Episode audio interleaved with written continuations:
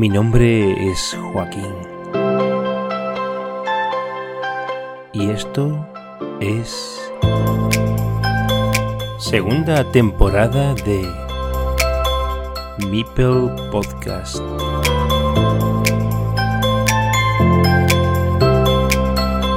Welcome to Carcassonne.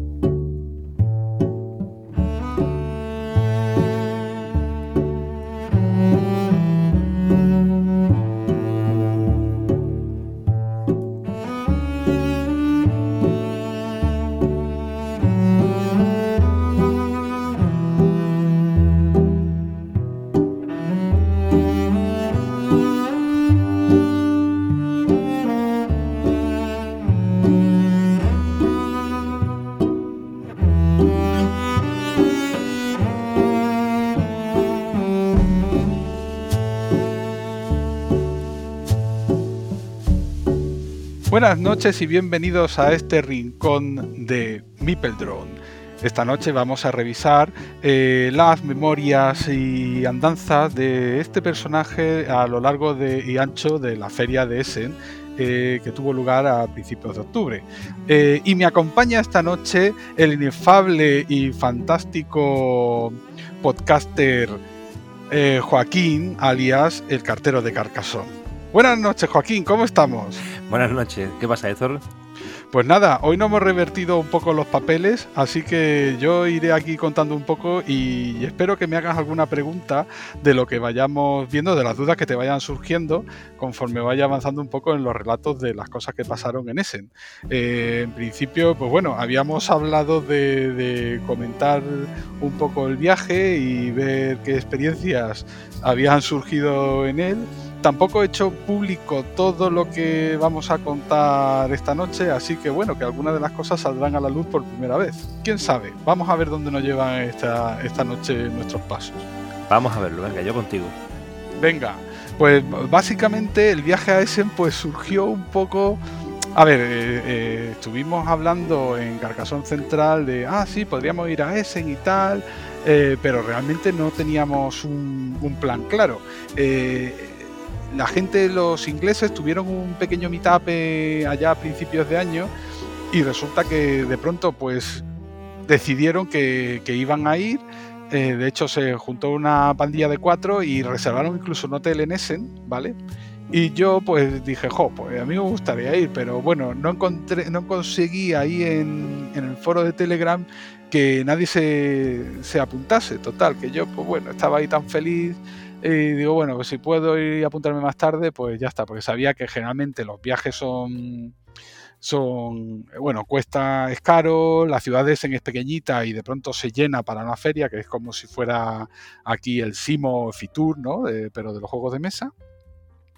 Y, y, en principio, pues nada, estaba yo andando tan feliz de mis vacaciones por Palma de Mallorca y de pronto recibo un mensaje de Tom, de uno de ellos, que me dice, oye, que el cuarto en discordia parece ser que se tiene que bajar de, de aquí de la iniciativa. ¿Te apuntas? Y fue como, mmm, pues sí, o sea, directamente, o sea, en mitad de las vacaciones le dije ahí que sí, me pasaron un poco de información del de, de hotel y todo eso, y, um, y, nada, y fue el primer paso de cómo empecé este año la andanza para ir a, a, a Essen. Uh -huh. En paralelo, eh, yo había estado con Willem, eh, que es el, dueño, el director, el todo, el conserje de todo hace en el Museo de Carcassonne, ¿vale? Y, y le había estado comprando cosas en Wallapop para incluirla en su colección porque digamos que tiene ahí una pequeña laguna de cosas de David. Total, que me había tirado meses eh, comprándole cosas que se estaban acumulando ahí al lado de la puerta de mi casa.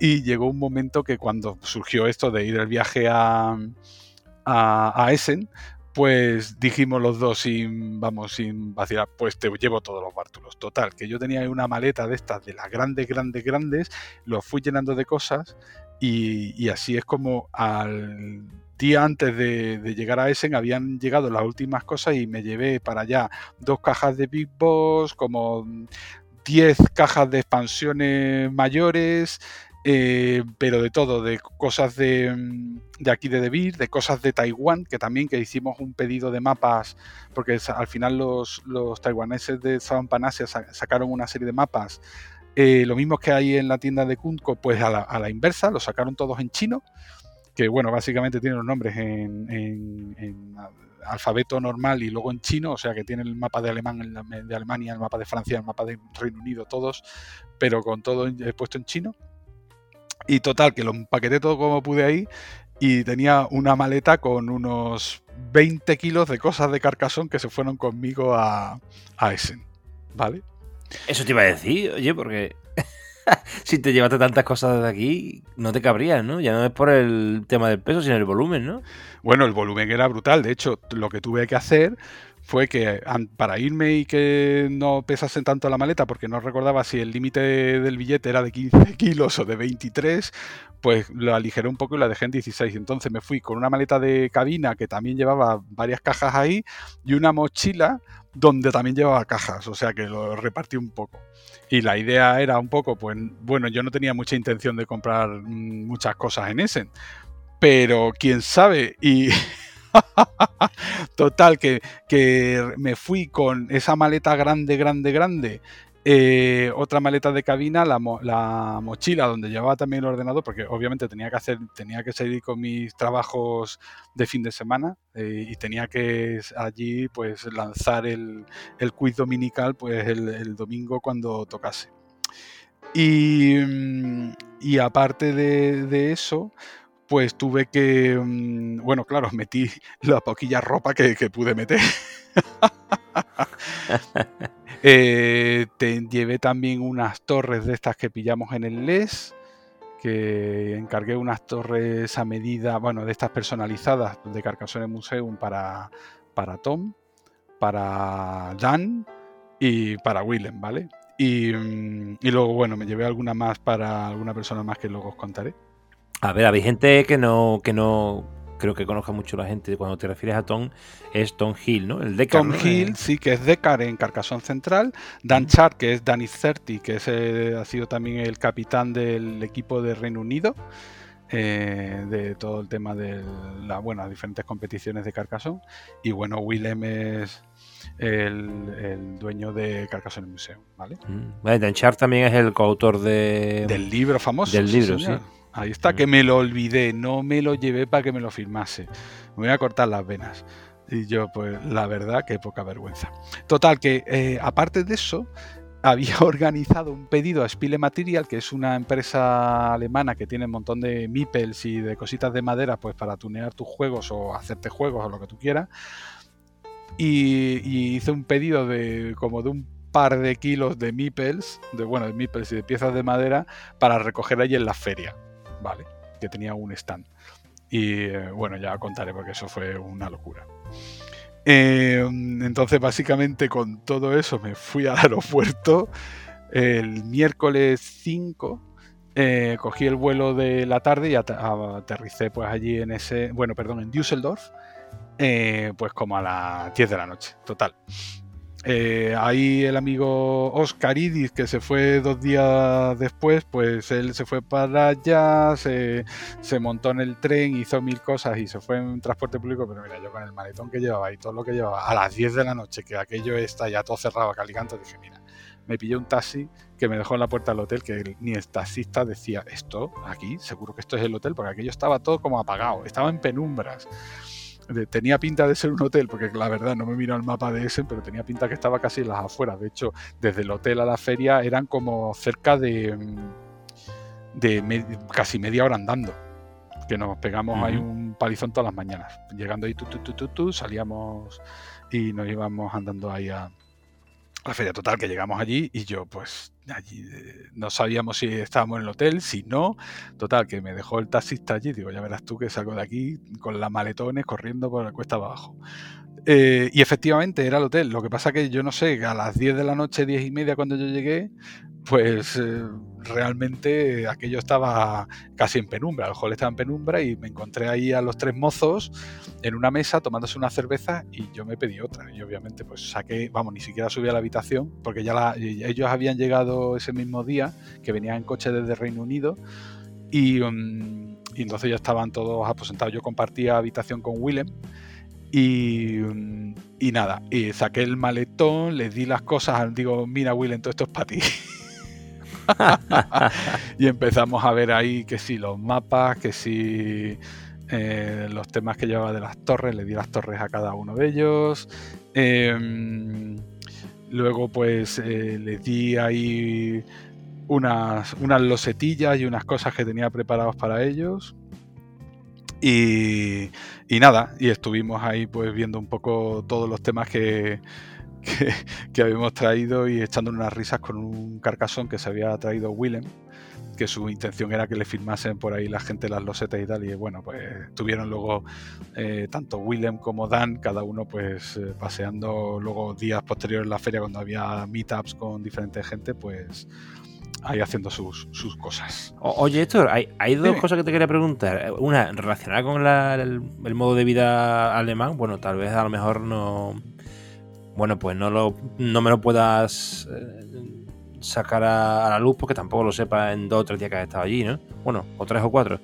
Pero eh, dices que llegaste muy tarde y, ya estaba todo en penumbra. Digo yo que, a lo mejor eh, la vida de los alemanes es parecida a los, bueno, a, los ingleses, ¿no? Que a las seis o siete de la tarde ya está todo el mundo prácticamente recogido en casa. ¿Cómo viste aquello? O sea, quiero decir... Mm, eh, ¿había mucha gente o en la calle o había vida a esas horas? O, porque si estaban tomando una cerveza ahí por ahí, ¿no? Estaban tomando una cerveza en el hotel, pero vamos que... Ah, en el hotel, vale, Claro, al poco cerraron el, el bar y nos quedamos allí. Bueno, nos tendremos que retirar, que mañana hay que levantarse temprano. Pero vámonos, sí, allí, digamos que eh, nosotros nos levantábamos como a las 8 menos cuarto, así, ¿vale? Para, que, para salir de a las ocho y media y ya era prácticamente de día. Sabes que digamos que ellos están, o sea, Alemania está más hacia el este y, allí amanece antes. Nosotros somos los raros que tenemos, estamos en una zona de Reino, de, digamos, la misma vertical de Reino Unido, pero tenemos la, el mismo horario que Europa Central. Entonces nuestros días empiezan más tarde, nuestras noches acaban más tarde y ellos, pues claro, el día a las 8 de la, de la mañana es pleno día y a las 6 de la tarde ya era prácticamente de noche. O sea, nosotros algunas veces nos volvimos y era prácticamente de noche allí atravesando solos eh, todo lo que eran los barrios aquellos hasta que llegábamos al hotel. Sí, pero que en el norte de Europa quiero decir que hacen una vida parecida a la que conocemos de los ingleses, que tanto recogido ya a esas horas por ahí. Sí, sí, sí, a las 6 era la hora de cena. Nosotros teníamos las reservas, bueno, las reservas para cenar que tuvimos eran como a las 8 o así y era súper tarde. De hecho, yo estuve trabajando en Tenerife y las cenas de los, de los hoteles, la mayoría em, empiezan a las seis y media o seis, pensando precisamente en los alemanes y en los ingleses. O sea que yo supongo que es por ese motivo, porque allí a esa hora ya están todos en su casa recogidos y los bares poquito. Sí, esto nos ha pasado esta, este fin de, perdón, estas vacaciones en Mallorca nos quedamos flipados porque llegamos a, la, Mallorca a las 10 de la noche y a las 11 no había donde cenar porque estaba todo cerrado. Pero estamos hablando de Mallorca, de Palma de Mallorca, o sea, la capital. Y están totalmente, digamos, eh, organizados alrededor de, la vida y de los horarios de los turistas. Y otra pregunta que te iba a hacer, hay una foto por ahí de, de William con el coche lleno de. Porque ellos fueron en coche, que es curioso, porque claro, digo, hostia, van a Alemania en coche y vienen de Reino Unido, claro, porque hay un Eurotúnel que pasa por Francia o algo así, ¿no? Sí, claro. Y, bueno, y si no habrá ferries también, supongo, pero bueno, al fin y al cabo fueron en coche y lo que te iba a preguntar, hay una foto por ahí de William con un montón de, de cajas de Carcassonne y de todo, que supongo que también habrá comprado ahí en la feria, pero la, mitad del coche se, lo llevaste tú en, maletas. O sea, la, mayoría se lo llevé yo. Y él lo que, lo que hizo durante la feria es que eh, hizo contactos con varias editoriales y hubo, unos coreanos que le dijeron, mira, no te podemos vender nada, pero te lo damos de regalo. Y le trajeron un carcasón pues, de, por ahí. Eh, yo me lo llevé a Debir y estuvo viendo cosas ahí. En, bueno, estuvo hablando con Benjamín. Bueno, Benjamín estuvo hablando con nosotros y, y tal. Y, pero vamos, que de ahí no se pilló nada, pero se fue a ver los coreanos, se fue a ver a, yo qué sé, de todos los países que se le ocurrió, fue para allá y de hecho en el estaba todo el rato subiendo eh, stories ahí en el, en el Instagram de he visto a no sé quién y enseñaba la foto del Carcassonne Museum y estoy pues en Devir, estoy en no sé dónde, estoy en el en Mobius o donde toque que estuviera. Y, mm, y de hecho prácticamente de Carcassonne. Bueno, sí, luego compró un montón de cosas en, en Kuntco, en el stand de, de Hansing Club. Pero vamos, que, fueron todo minis y cosas que le faltaban. Pero lo que era con cajas, cajas, fue prácticamente lo que le llevé yo. Y, me llevé dos tubos de mapas para, para poder luego traer cosas. Y, em, vamos, fue, fue, una risa. Y, lo del coche, es que fue el coche, eh, vinieron ellos tres eh, se vinieron eh, por el Eurotúnel y me contaron que, claro, eh, Dan tiene más, perdón, Willem tiene más costumbre de, ir al continente en el Eurotúnel porque, bueno, sus padres, él es holandés, pero vive ahí en, en Brighton, por ahí. Y, entonces, pues él viene y va, y de hecho, muchas de las cosas que le llegan de Carcassonne, algunas las deja en casa de sus padres, y luego él, cuando viene y va a casa de sus padres, pues se lleva el coche petado. Y, otras cosas se la mandan al Reino Unido, dependiendo de cómo vayan las aduanas. Entonces, pues, él lo que me contó es eso, que cuando tú te metes en el túnel del Eurotúnel, eh, realmente lo que haces no vas tú conduciendo, sino que te montan en una especie de tren, el coche va dentro de un tren, y ese tren es el que atraviesa el Eurotúnel y te deja al otro lado. Y a la, a la, ida, pues fueron ellos tres, y a la vuelta el coche iba, que no, el maletero lo tuvimos que hacer un socoban para meter las cosas ahí. Bueno, aquello era un Tetris de cosas, y dentro iban más cosas. O sea, Dan que iba detrás, hay alguna foto cuando del último día que vamos eh, Dan y yo montados en el coche, y es que las cajas nos daban en la cara. O sea, tú imagínate estamos sentados atrás. Madre mía, pero. Mapas, juegos, bolsas, cajas, porque encima. Eh, eh, ¿Cómo íbamos ahí a la feria? Pues yo me llevaba una mochila y dentro iba con una bolsa así como en plan de estas de. No era de Ikea, de, pero era una de Media Market, una cosa así de estas bastante grandes, ¿vale? Para meter mapas y cosas de estilo. Para desplegarla después, ¿no? ¿Eh? Claro, para, poder abrirlo y tal, y pum. y entonces yo llevaba cosas en la, en la mochila y, luego la bolsa para llevar los extras. Eh, Tom se llevaba una especie de, como de maleta de esta como de gimnasio con ruedas, pero enorme, ¿vale?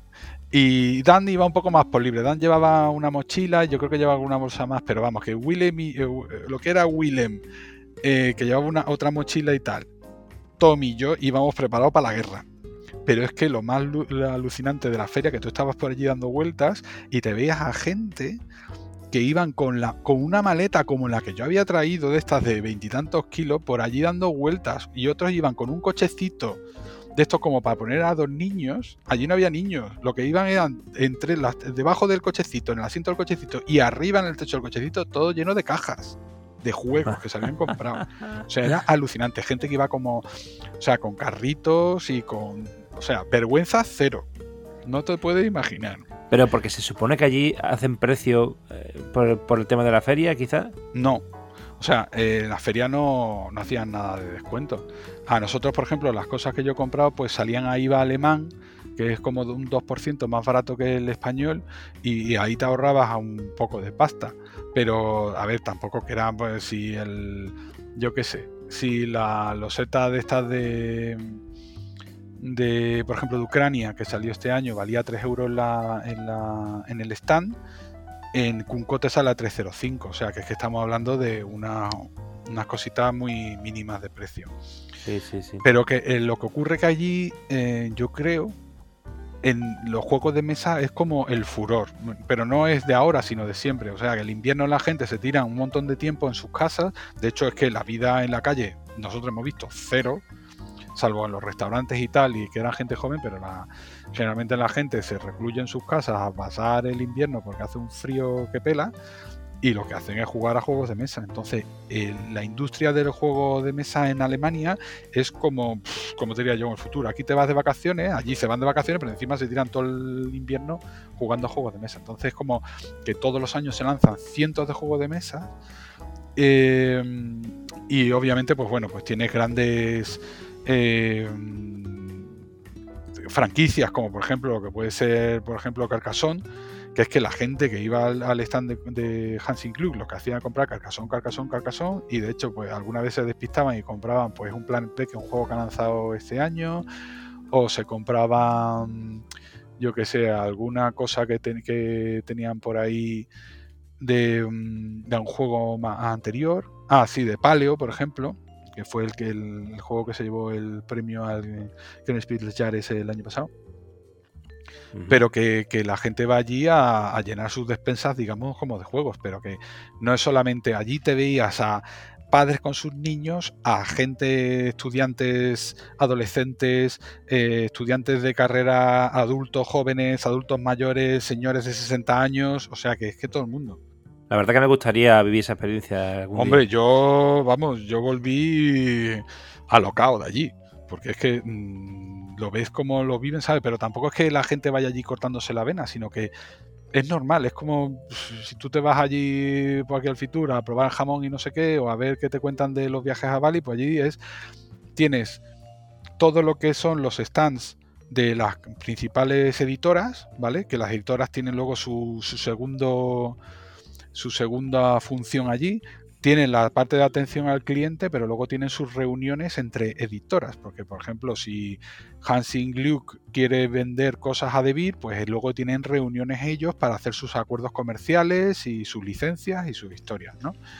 Entonces, por ejemplo, eh, durante la feria eh, nosotros estuvimos, por ejemplo, yo fui a Debir y estaba allí pues Xavi Garriga, estaba eh, este hombre Benja Morín, pues estaba pues el director comercial, estaba pues más gente por allí de, los que salen en el David News, ¿no? Pero que yo generalmente pues sigo más estos dos y, ellos van pues a sus negocios, a sus reuniones y tal. Y de hecho el día último cuando estuvimos sentados con, bueno, en, el Mundial de Carcassonne, te veas ahí al amigo Klaus que estaba yendo y viniendo porque tenía reuniones el domingo.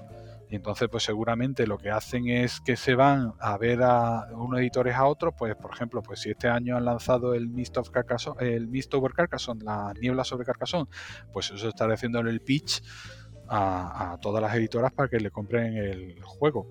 Eh, o el Paleo, o por ejemplo el Planet B, que el Planet B, por ejemplo, pues Johannes Natterer, que es el chico que alguna vez me responde a las preguntas de que le lanzo de Carcassonne, pues es el que, que ha diseñado el juego de Planet B. Pues había allí mesas para enseñar y te podías apuntar para a diferentes horas, tenía juegos con el con gente que te explicaba cómo iba el tema, pero que este hombre no se le vio el pelo. Este hombre, yo lo he visto en fotos luego de al final de la feria, pero él estaba en reuniones y me, de hecho me lo dijo. Digo, a ver si te veo y tal, y no sé qué.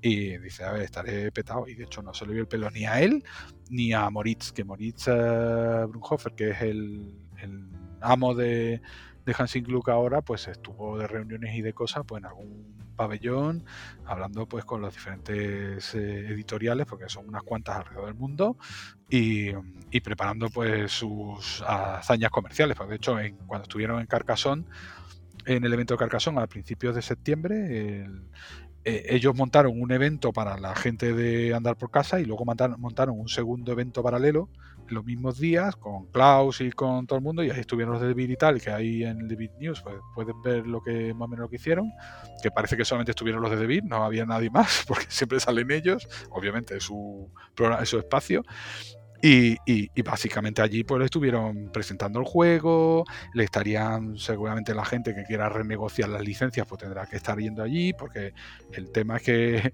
tiene pinta de que Cargasón cada vez vende más. ¿Sabes? Entonces, pues es una, es una vaca, es cash cow, ¿no? Como dicen por ahí.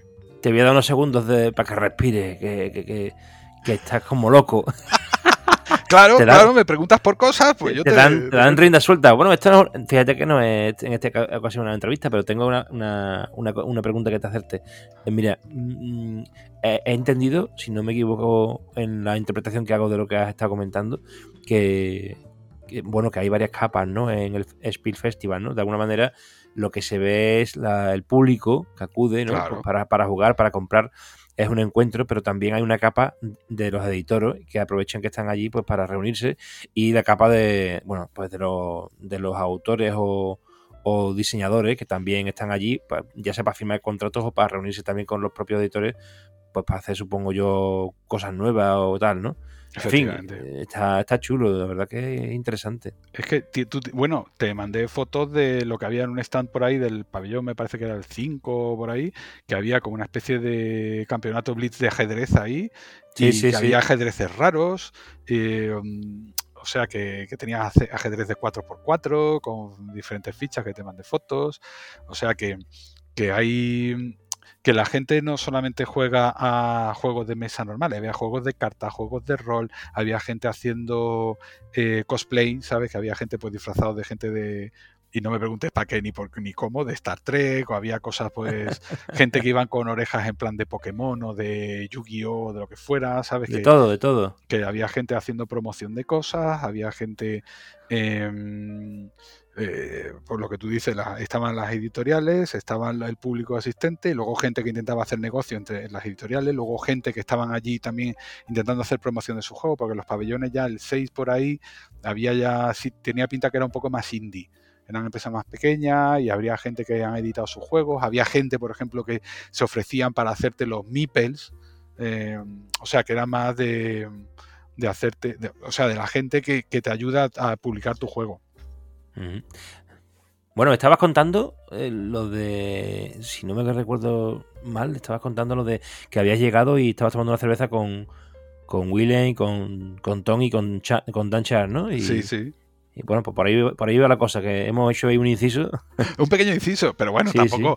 A ver, que yo tampoco yo creo que es más eh, contar pinceladas a lo mejor un poco de, cómo fue el viaje que intentar contar cronológicamente todo, porque si sí, cronológicamente es un poco loco. Porque mm, yo la verdad me quedé... Eh,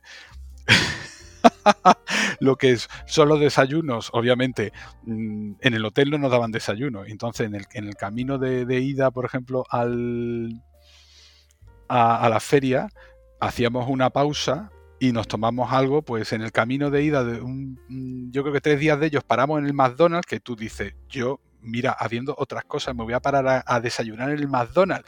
Pues sí, y para estos era como, vamos, un deleite. Y yo los miraba y digo, pues si esto es soso, esto no vale para nada. Yo, eh, hasta el tercer, el tercer día que fui al McDonald's, no, el segundo día que fui al McDonald's ya empecé a, encontrar los, los, dulces, porque no hay helados por la mañana, que es lo que yo me tomaría, un vaso de leche disfrazado de helado. Hombre, siempre cosas sanas. Total, que encontré las tartas, pero el primer día era como un muffin con huevo, no sé qué, los huevos sosos ahí, el muffin en la foto parece aquello que es un, un pedazo de sándwich ahí súper grande, redondo y tal, y aquello tiene el tamaño de nada, de un... de, 6 centímetros de diámetro, que es que dice, pero esto, con esto desayuna alguien, si tengo que aguantar a millones de kilómetros no sé cuándo voy a comer. Total, que yo ahí callado, haciendo yo, oh sí, todo magnífico y tal, y yo pensándome, me voy a acordar de la madre de los estos, de los del McDonald's. Bueno, Oscar decía que había churros, ¿no? O sea, sí, pero bueno, eso luego tenía sitios que te vendían churros. Bueno, en, la feria luego lo del comer es otra cosa. Ahora si quieres enganchamos con las comidas, que esto fue la repanocha. Pues nada, los desayunos por un lado, pues mmm, chungo. O sea, el McDonald's, yo no sé aquí en España, porque no, he tenido la, suerte, pero el menú es como unos sándwiches o unas cosas, ahí unos huevos revueltos que no saben ganar. o, tiene las tartas que tú dices, joder, macho, hemos pasado de la, de la sosería máxima a la hipertoxicidad máxima en un parpadeo, ¿vale? Mm. Eh, y luego tiene los zumos de estos así de bote que sabes que saben a cualquier cosa menos a un zumo decente, pero bueno, eso ya depende de cada uno. Luego en la feria, en la, eh, porque lo de los churros sí, había sitios donde cuando fuimos quedamos con, con este hombre a recoger a, bueno, cuando quedamos con, con Oscar el, el, viernes, sí estábamos en una zona un poco de más vidilla, ¿vale? Y ahí había varios restaurantes, había un mercadillo ahí donde, bueno, parecía que había algo de medio comercio y tal, y había gente más joven. Y había uno de los sitios que era, bueno, fuimos a, un sitio de fritangas ahí, que ya te comentaré. Em, pero que luego había sitios de estos de churros con chocolate, que, pero churros cortillos ahí. ¿Sabes? Y, verdadero furor. Yo eso también lo he visto en Filipinas, ¿no? Que allí, ah, en churros Dulcinea, y tú, aquí Dulcinea, ¿qué me estás contando? Y, la gente se mata por los churros, eso, pero bueno, que supongo será como modas, ¿no? Y mm, luego dentro de la feria tenías como pabellones eh, 1, 2, 3 había una especie de galería que era como un pasillo cubierto, porque me imagino que allí al aire libre poco, aunque bueno, sí estuvimos luego comiendo al aire libre, que pusieron una especie de food trucks y tal. Pero ahí en, el, en la galería esta, que era como un pasillo bastante ancho, que de hecho había cositas allí para los niños y había un, el carcasón gigante estaba allí, que eso es otra historia.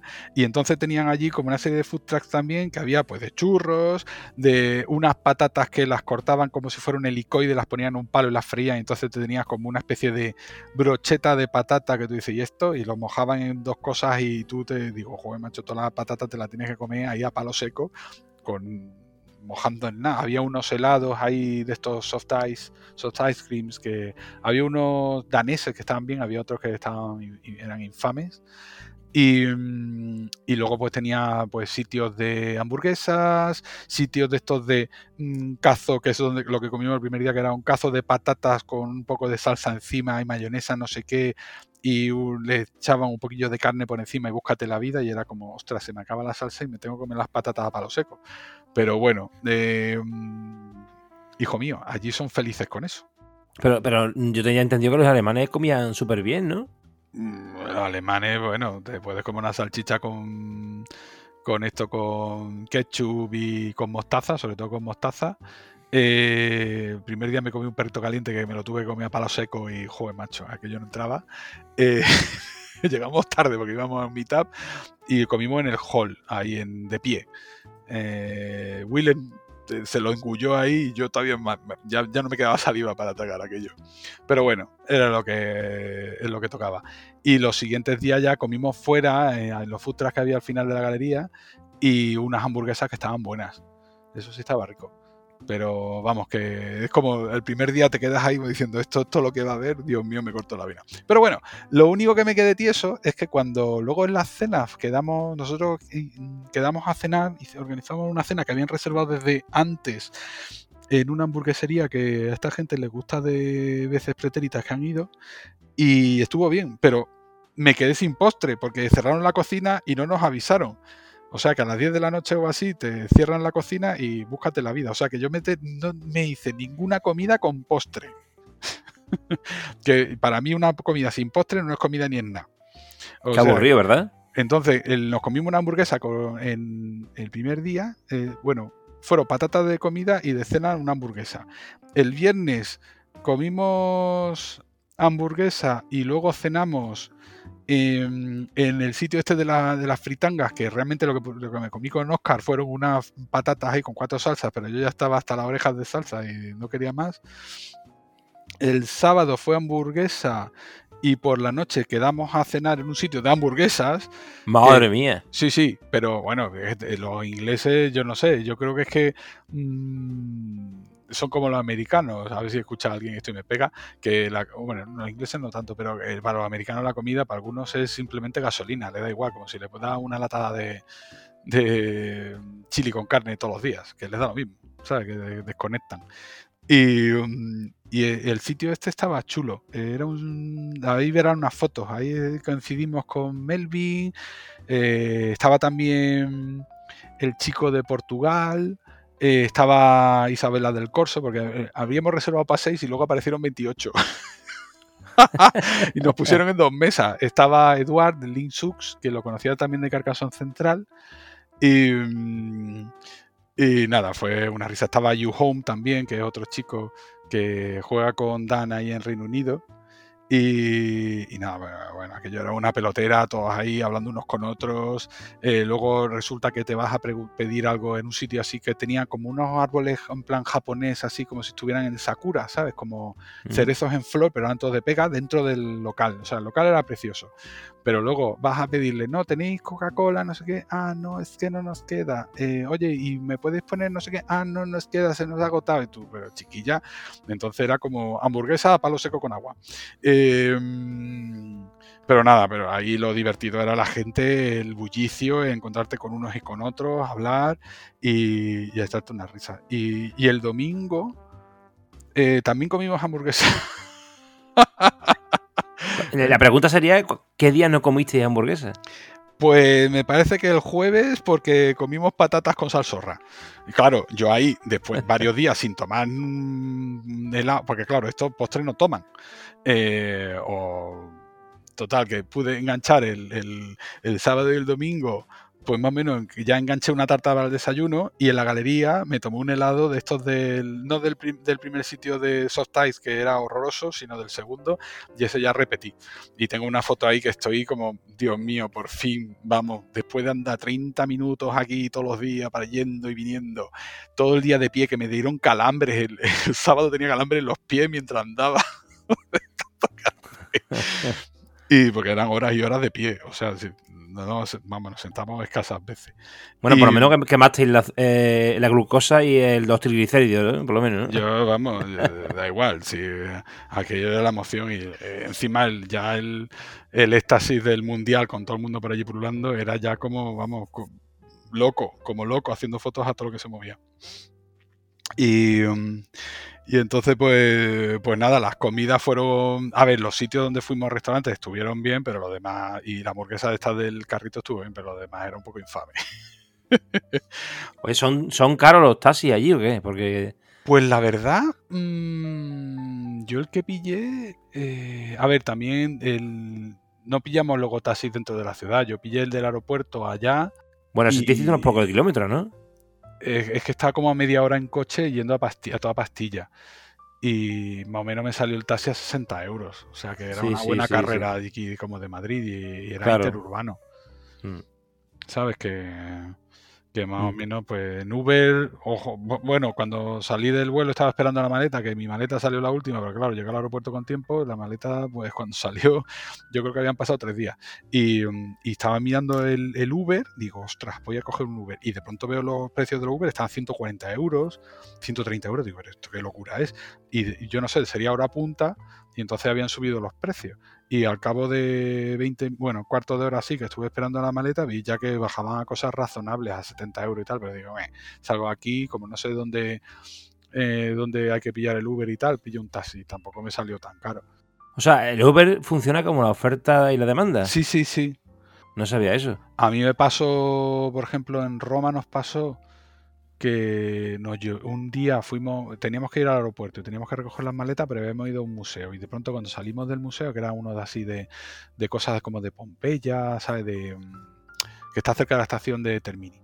Total, que, que, cuando vamos a salir del museo vemos que está lloviendo, si tiene que llover, pero, o sea, riadas, riadas de agua. Y teníamos que coger una furgoneta porque éramos como seis o así y, de pronto los precios de la, del Uber para recoger la maleta y tal, y que no nos daba tiempo prácticamente, eh, porque nos cerraban el, sitio donde teníamos guardadas las maletas, aquello fue un agobio, y, nos salió, me parece, el Uber por 240 euros. ¿eh? Joder, yo cuando estuve en Roma recuerdo haber cogido el Leonardo Pérez hasta el Termini, pero claro, tú estás hablando de que no tenía la posibilidad, ¿no? No, no, es que no nos daba tiempo. Teníamos que coger eso porque teníamos, estábamos, nos estábamos quedando en una. Bueno, lo habíamos dejado en una especie de tienda en plan turista. Esto allí tienen. Y en Londres también. Bueno, y supongo que en otras ciudades hay sitios donde tú tienes un acuerdo con determinados locales, que pueden ser por una tienda de, de souvenirs o puede ser una cafetería o lo que sea, y tienen un espacio donde puedes dejar maletas. Y entonces te da un código, tienes una app, te, tú pillas ahí tu maleta y la recoges dando el número y no hay ningún problema. Pues que resulta que el sitio que estaba dando a la, plaza, a la pieza Navona, pues estaba, iba a cerrar. No encontrábamos una manera y, estábamos como a 15 minutos en coche, ¿sabes? Más o menos. Teníamos que bajar pues toda la, desde Termini había que llegar a la Piazza de Venecia, irte a la, a la izquierda, meterte para Piazza Navona y, y, Piazza Navona es peatonal. Entonces tenías que quedarte en las calles atrás y meterte corriendo por uno de los callejones. Y, y es que no, no había manera de pillar el Uber. Entonces, pues vamos, llegamos bien al aeropuerto, pero fue un infierno. Uh -huh. Va, entonces. Bueno, volviendo a Alemania. Volvemos a Alemania. Pues, eh, ¿y qué se hace en ferias como estas? Pues nosotros lo que hicimos fue, adivina, adivinanza. Comprar, nos fuimos ahí al. Nos repartimos, como éramos cuatro, nos fuimos por parejas a. Al, habían tiendas de Hansing Klug, o stands de Hansing Klug en dos pabellones, en el 2 y en el 3. Y, y, entonces, pues nada, yo me fui en la primera vuelta con Dan, hicimos una primera ronda de compras, yo iba con mi lista de cosas que me habían encargado y claro, yo estaba allí pues haciendo la cola una y otra vez. El primer día hicimos la cola 11 veces, porque cada vez que te ponían la cola eran 30 minutos de espera mínimo, porque había tortas allí para comprar. Pero 11 veces, ¿por qué? Porque tenía que hacer encargos de gente que me había pedido cosas. Entonces, ¿qué ocurre? Ah, bueno, ¿por qué? ¿Por qué?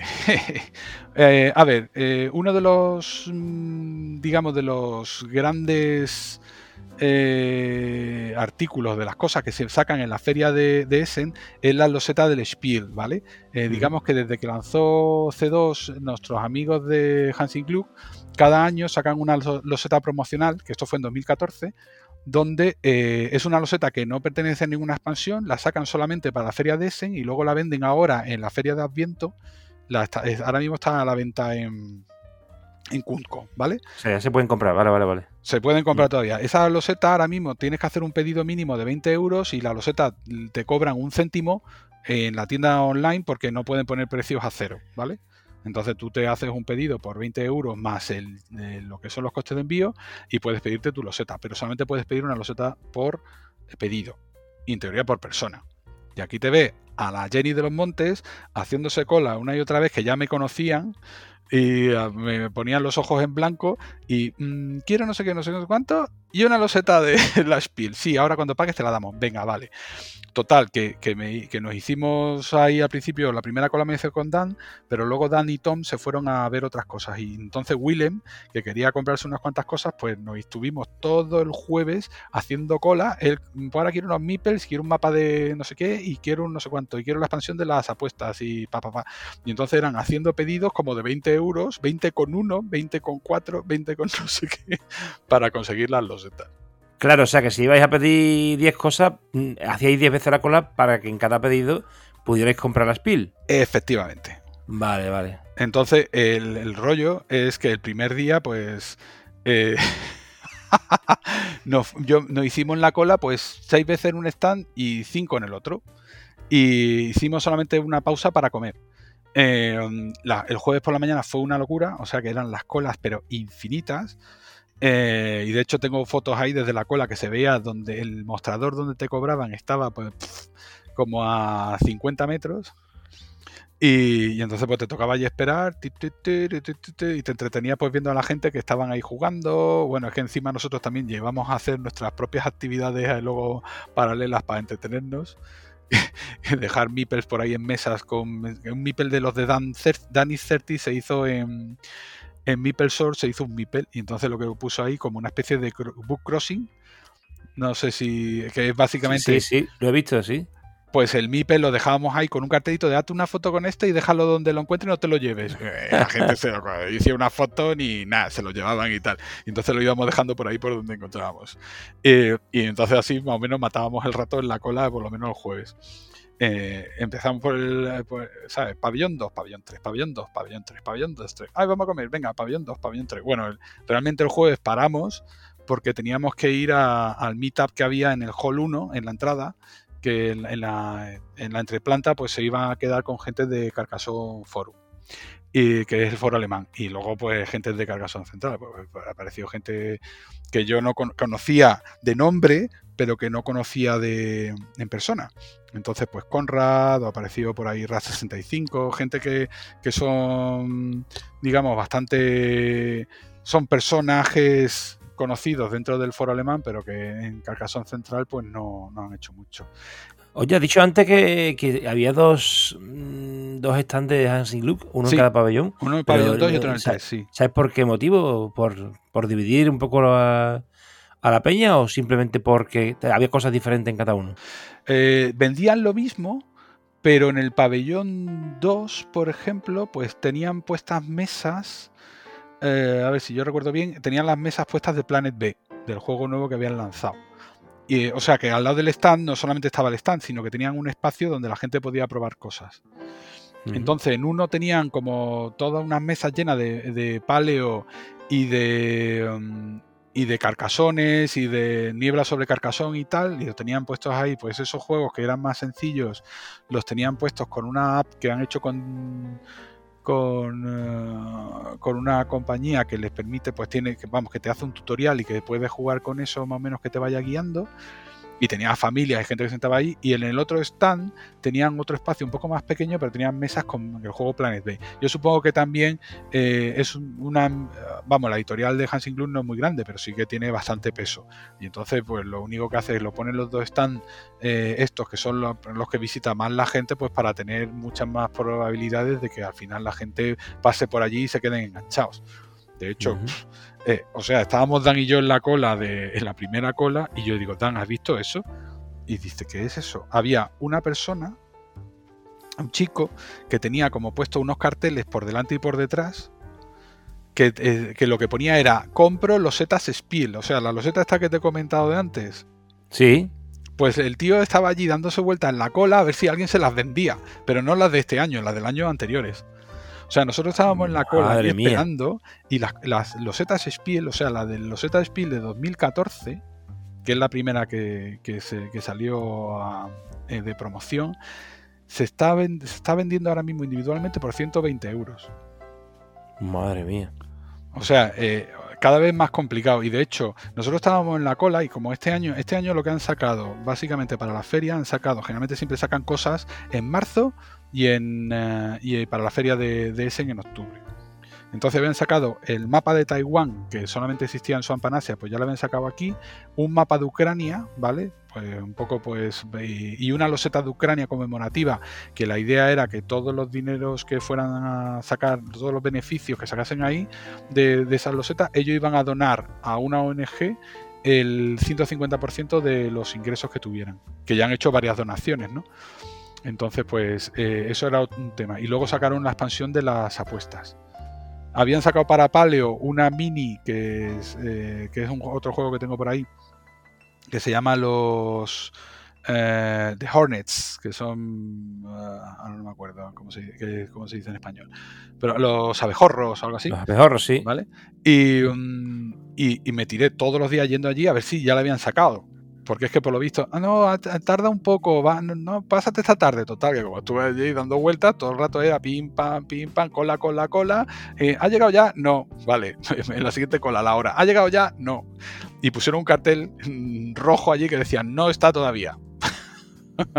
y hasta el domingo o el sábado, eh, o más bien el domingo, ya me dijeron que, que chungo, chungo pescado, porque resulta que la mm, que no había transporte, no había transportistas el, domingo y entonces no iban a recibir la loseta ya seguro. Y de hecho la compré dos semanas después eh, en Cunco. Total, que, mm, que, lo del tema de, de, las compras estaba así estructurado de tal manera que tenía varios pedidos eh, para que llegasen al, importe mínimo. Luego lo que pasa es que se me fue un poco la cabeza. Y, mm, compré alguna cosa más de más, porque las losetas estas de. Al final, ¿qué hacías? Pues si no tenías que comprarte, pues venga, rellenamos con losetas de. de. Mm, de las de Ucrania, que son a 3 euros. Y hubo un momento que mandé una foto al Telegram en el cual había hecho como una. Con todas las losetas que habíamos comprado, hicimos una especie de escenario de así como de busca el error. Y teníamos 14 losetas de Spiel y 40 y no sé cuántas, me parece que eran, o 30 y tantas losetas de, perdón, de, de Ucrania. o sea que llegábamos allí poniendo cara de pena, sí, porque al principio solamente te vendían dos o tres losetas de, de Ucrania, de promo. Pero luego al final pusieron en un cartel que podía llevarte hasta 10 de golpe. Entonces, pues había gente que me había encargado varias losetas de Ucrania, pues ala, venga, pues las seis losetas de Ucrania de golpe, ping, ala. Y lo que pasa es que no tenían de todo. Por ejemplo, sets de meeples tenían de los 19 19 eh, figuras, pero no tenían, por ejemplo, de 10 de meeples normales del mismo color. Entonces, pues bueno, había, por ejemplo, allí gente que, que tenía, que estaban buscando unas cosas y llevan otras. Y luego lo, lo que pasa es que la cola iba tan lenta porque la gente llegaba allí, les preguntaban, oye, ¿qué tenéis nuevo? Tenían como un catálogo, así como un menú de gustación, entonces los tíos se ponían a mirar con su, toda su pachorra el catálogo y empezaban a preguntar, ¿y esto qué es? Y esto, esto es un mapa que no sé qué, no sé cuánto. Ah, y este, esta expansión de aquí de no sé cuántos. Ah, pues sí, mira, esto es la loseta de. Perdón, la expansión de. de. yo qué sé, de, los de los señales eh, y que esto va con las carreteras y no sé qué. entonces el, dependiente ahí, con todo su amor y cariño, aguantaba allí 10 minutos tras 10 minutos a todo el mundo que le estaba preguntando cosas, explicándole las reglas y más o menos de qué van las expansiones. Eh, hay una anécdota que se quedó flipado Willem porque eh, en la enésima cola que estuvimos allí estábamos pagando y de pronto llega uno y, y le pregunta al dependiente, que tenía pinta que no era de, allí de la casa, sino que era más bien un contratado para la feria, y le preguntaba por unos círculos que había ahí en, la, en el mapa de Ucrania. Y el otro no sabía que le estaba preguntando y el otro no sabía cómo responderle. Total, que me, pego la oreja, digo, perdona que me interrumpa, pero mira, esto va, esto funciona con unas um, chips que hay ahí redondos en no sé qué, saca, saca esos chips ahí y saca uno de ejemplo digo, esto se pone aquí, entonces esto te permite, bla, bla, bla, y le, le expliqué un poco las reglas y entonces se quedaron los dos flipados uno, obviamente, quedó agradecido porque había colocado un mapa y, una, y unos map chips, y el otro porque se fue contento porque tenía para lo, que necesitaba para jugar la expansión esta que, venía en el mapa. Entonces, así estamos, chicos. Oye, que digo, eh, quien quiere comprar, quien quiere comprar las cosas nuevas de, de Housing Club relacionado con Carcassonne, en este caso, eh, yo tengo que apuntar para comprar en Kunku, que son las apuestas. Me ha dicho que er, era una de las nuevas mini expansiones, ¿no? Es una expansión en la cual vienen como unas 36 tokens, ¿vale? 36 fichitas que 6 por cada jugador, viene para hasta 6 colores, y que te permiten hacer apuestas de cuántas losetas va a tener una carretera o un camino. Y entonces, conforme va cerrando cosas, pues esas apuestas las vas evaluando. Y tienes, generalmente cada ficha tiene como dos valores, y te dan, pues si apuestas que esta carretera tiene cuatro, o tres o cinco losetas, pues te lleva tres o cinco puntos. Si apuestas que tiene siete, o, por ejemplo, cuatro o siete más, o más de siete, los, o siete o más losetas, perdón, pues te llevan los siete puntos esos, por ejemplo, si era de siete. Y hay un caso especial que si apuestas que tiene cuatro y consigues cuatro, te da ocho puntos. Entonces, pues, básicamente esto. Luego, las losetas de Ucrania, que lo que tiene es un eh, realmente es un, lago con un campo de girasoles al lado que simula la bandera de Ucrania y tienen una casita tradicional al lado del, lago que funciona como una posada de la expansión 1. Y, luego en mitad del campo de girasoles tienes como una especie de escudo que funciona como un círculo de cultivo de una de las minis de la Big Box. Y la loseta Spiel, ¿no? Que es una curva, ¿no? Y luego la loseta Spiel, que es la, la estrella en todas las ferias, es una curva con una posada. Y luego tiene un montón de muñequitos ahí dando vueltas, que es las típicas escenas celebratorias que tienen las, losetas Spiel. Bueno, y la otra estrella de, del evento era la niebla en Carcassonne, que ya se había puesto, puesto en liza en, el evento de Carcassonne en Carcassonne. Efectivamente, eso lo tenías allí, lo puedes jugar como un juego independiente colaborativo, ¿vale? Que es la idea original, pero luego la gente de de Hansing Club, que son muy cucos, pues la han diseñado con los mismos elementos o prácticamente con casi todos, salvo unos toques no se que no se usan y tal, eh, lo puedes usar como una expansión con el juego base. Entonces tienes una expansión de 60 losetas, que es un lujo oriental. O sea, que la gente que tiene casi todo de todo o quiere comprar cosas, pues podría eh, utilizar la, compra en Kunko para llevarse la loseta de Ucrania, la loseta Spiel. Claro, pero tiene que correr, porque eso dura nada. O sea, ahora ¿Ah, mismo eh, la pusieron a la venta el viernes y tiene una, pero vamos que eh, miré hace unas horas y todavía hay existencia, pero eso en cualquier momento desaparece y hubo, bueno, las primeras horas que estuvimos ahí conectados no había manera de colocar un pedido. Había miles de personas pegándose para intentar entrar ahí. O sea, en el, en el móvil, yo lo intenté desde el PC y desde el móvil, no cargaba el carrito de la compra. La Spiel es la única que te venden solo una añadida al pedido, ¿no? Después Sí. la de Ucrania sí puedes comprar la que quieras, ¿no? Sí, puedes pedir, me parece que ahora puedes comprar hasta seis. Y de hecho, si pides seis, te vienen en una planchita. Que es también Ah. eh, fue una gracia, porque una de las cosas que, que hice durante la durante la feria es, estuve llorándole a Andreas, que es el responsable de, de Kuntco, eh, que también me responde algunas veces algunas preguntas y cuando le dije, eh, hola, soy Mipeldron, levantó las dos cejas y se quedó loco. Y... Porque encima apareció, apareció uno de... Uno de... Me parece que fue Benny o fue... Apareció alguien de, de Carcassonne Central. Ah, no, fue Conrad, yo creo. No, fue Benny, fue Benny. Y me dijo, ah, ¿vienes con él? Y me dice el otro, sí. Y dice, Dios mío, se conocen todos, estamos rodeados. que Benny lo vi en el, en el, en el meetup, ¿vale? Que Benny es una persona que fue amigo mío, fuimos amigos invisibles mutuos en, en, una, en, una- en un amigo invisible que hicieron en, en el 2019 en Carcassonne Forum. Y entonces intercambiamos regalos y tal, que no sabían uno lo que era el otro, y el tío se quedó flipado con lo que le envié. Y ¿Qué le enviaste? ¿Qué le enviaste? le envié unas losetas de una expansión que hice ese año que eran de, de los eh, eventos celestiales. Que era, pues Madre tenías mía. una loseta que era un sol con un eclipse de sol, y entonces eso provocaba que todos los meeples se fueran a los monasterios más cercanos a esconderse. Entonces, como que. o sea, cosas de este estilo. Y a este hombre le gusta mucho la astronomía, entonces se quedó flipado en colorinchis. Y, y encima fueron las primeras losetas que imprimí. Entonces, el- el- vamos, no cabía en sí de gozo de que fueran losetas impresas encima de temas astronómicos. Oye, me estoy acordando de. Antes has dicho lo de Hornets. Y me, venía a la cabeza, digo, yo recuerdo de haber escuchado o haber leído algo de Hornets. Claro, yo he visto películas de Bruce Lee, pero mm, recuerdo haber estado buscando filmografía de Bruce Lee y resulta de que hay un, una serie antiquísima que fue previa a todas las películas más conocidas de, él, que se llamaba The Green Hornet. Me, ac- me acabo de acordar. Y es el, el verde, que por cierto se ha reeditado. ¿Cómo se dice cuando hay una reedición en, en, en película? ¿no? Una. ¿Una, una re-release de estas? O... No me acuerdo, tiene un nombre. Bueno, y en 2011 han hecho una, una película directamente de, este, de esta serie antigua, de los años 50 o por ahí. Eh, bueno, es una tontería que se me acaba de ocurrir. Por cierto, estábamos hablando antes de Hansing Look y decías que había, bueno, como dos anzuelos, ¿no? Uno en cada Sí, pabellón, ¿no? Y, y todo repleto de gente, pero supongo que la mayoría de los stands de todas las editoriales, por lo menos las importantes, pero bueno, yo diría que de todas, ¿no?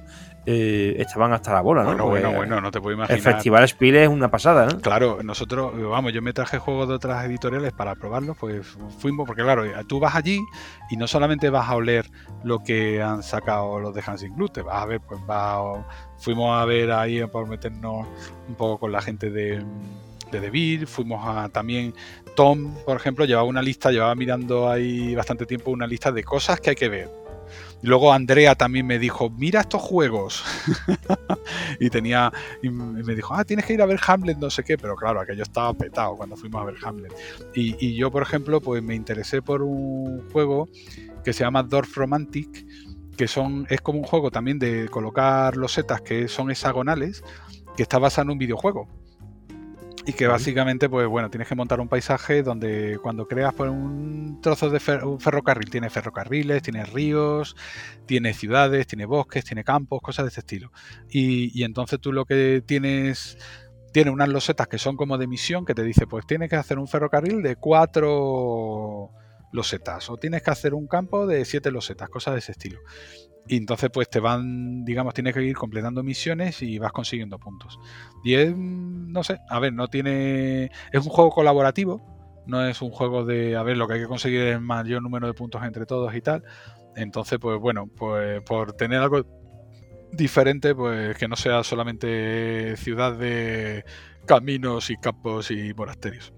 Entonces, pues bueno, ese me- el juego lo había visto algún vídeo por ahí en YouTube y digo, ah, pues esto cuando lo vimos, pues lo probamos. Y ese, por ejemplo, Tom lo tenía en el radar y lo tenía yo y al final, por ejemplo, tuvimos que ir a, al stand de Pegasus a comprarlo, pero como a las 10 de la mañana del día siguiente es cuando lo abrían y lo ponían a la venta y era como salir corriendo, corriendo, porque ese lo probamos, me parece que fue el, el jueves o así. Y, y el viernes a primera hora corriendo para allá, pero dándonos los talones en los glúteos. Y, nada, pillé ese. Pillé también, por ejemplo, eh, un, la tercera. Eh, bueno, la tercera parte de un, uno que se llama Micro Macro, que es el, micro macro fue me parece el juego Spiel que ganó en 2019 y es realmente un póster en blanco y negro gigantesco con mogollón de, muñequitos que son pues animales antropomórficos vale pues tienes el señor conejo el señor cuervo no sé qué y te van representando como una escena eh, el póster es como una ciudad, un trozo de ciudad entero con bares, con hoteles, con mogollón de cosas y los muñequitos van por la calle. Y entonces lo que te, tienes una serie de cartas que lo que te van diciendo es encuentra al señor cangrejo que está al lado del, del cine no sé qué. Y entonces tú tienes que buscar en toda esa mole de póster donde está el señor que tiene el tamaño a lo mejor de un pulgar, ¿vale? Y el juego viene con una lupa. Y entonces la, cosa es que te van dando pistas y tienes que el muñeco, el personaje no está solamente en ese sitio, sino que luego va avanzando por la ciudad en diferentes sitios. O sea que es que como que la foto que tienes representada en el póster no es un, único momento en el tiempo, sino que tienes los movimientos sucesivos de diferentes personajes por toda la, la ciudad. Y entonces hay crímenes, hay robos y tienes que ir descubriendo qué pasa con quién, quién robó a quién, quién mató a quién, ¿vale? Y ese está chulo. Eh, de hecho, yo creo, no sé si Andrea me dijo que lo había jugado todo y que estaba flipando. Y, mm, y de hecho hay algunas cartas extras que vienen en la revista Spielbox, eh, eh, en la Spielbox o en la Spieldog, no, Spielbox, porque yo las pillé en inglés. Y, um, y entonces pues ese también lo pillé ahí un poco en, porque yo tengo los dos primeros en español y dije, pues venga, me llevo este en inglés, ¿qué más me da? Yo tengo The Mind, yo tengo The Mind, que es de 2018, el de Spiel de Yares. Un juego de cartas, es un filler, creo que es, ¿no? Sí, este, este era, yo creo, el. La, idea es esa, ¿sabes? Que tiene el, el Spiel de Yares, que es el juego normal, luego tienes un Kinder Spiel, algo así de Yares, que será ah, para niños, y luego tienes el Kenner Spiel, que es el, digamos, el, con juegos un poco más complicados. Que, por ejemplo, el Paleo fue el Kenner Spiel de Yares del año pasado. Ah, perdón. Este que te decía yo, estoy viendo que no. Es que viene el logotipo, pero no nos pone nominado a Spiel de Jahres 2018. No pone que sea el premio. Claro, pero ya estar nominado es, es una cosa importante. Y esos premios los dan allí. Mm. ¿Allí en el mismo Essen? Eh, sí, sí. O sea que el de 2022 se ha dado allí también, ¿no? Este año. Sí. ¿Y, cuál ha sido? Yo no, no he estado en la. Pero vamos, que se entregan por allí en, en uno de los múltiples salones que hay cosas, pues porque claro, aparte de, la convención, pues tienes todo el rollo oficial de los premios y cosas de estilo. Yo creo que lo entregan allí. Y, eh, y, luego, pues bueno, tienes ahí a todo el mundo haciendo todo lo que puede, publicidad de mil cosas, dando promociones de cualquier sitio. Vamos, que nosotros estábamos fuera en la calle ya nos venía gente diciendo, oye, que toma esto, que vea el stand no sé qué, que vamos a enseñar el juego no sé cuantitos. O sea que, una locura. ¿Y sabes si hay más campeonatos del mundo de algún otro juego, aparte del de Carcassonne? El de Catán.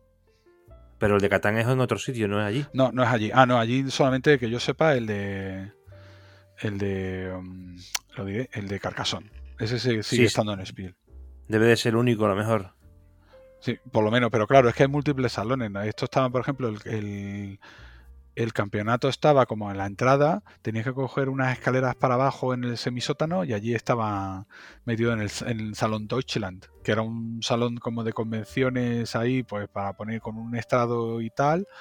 Pues, y tenía allí las cuatro mesas, bueno, ya visto, estaban dispuestas cuatro mesas y había otra que era como la del tribunal, bueno, tribunal, que era la del donde estaban ahí pues la gente de la organización, estaba por ahí tu amiga Isabela del Corso, y luego había gente por ahí pulando que yo me quedé flipado. Hay gente como que lo que hacen es que a lo mejor no están eh, inscritos en el como ganador de ningún país, pero aparecen por allí por si hay el número de jugadores es impares, pues se apuntan. Y puede por la patilla llegarte allí y apuntarte al mundial. y yo, hostias, y, era uno de Carcassonne Central. Y yo, y me dicen, no, no, sí, si fulano se conoce mucho de lo, cómo funciona esto, y yo lo miraba ahí. Y mm, entonces, pues eso, vamos, aparte de eso, otro juego que pillamos fue el, el Giroba, que ese me, me, lo comentó Andrea, lo probamos ahí, nos colamos en el stand, pillé mesa ahí como pude Y, y, nada, está bien. Todavía no lo he abierto. Tengo que a ver si. No sé si Andrea lo habrá probado. A ver cuando escuche esto, que me lo dice. Oye, eh, cuando llegó Oscar y Dani, cuéntanos algo, ¿no?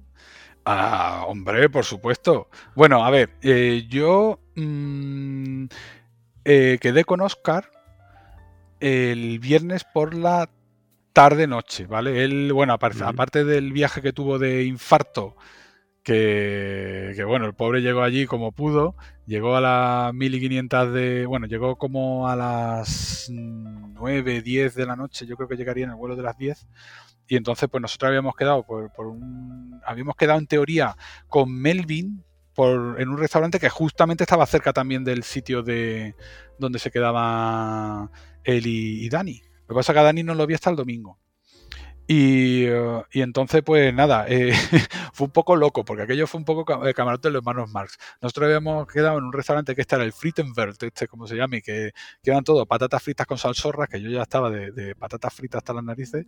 Bueno, tampoco es exagerado, porque solamente tomé patatas otra vez. Digo, por favor, pero no, no quiero más, quiero cambiar un poco el menú.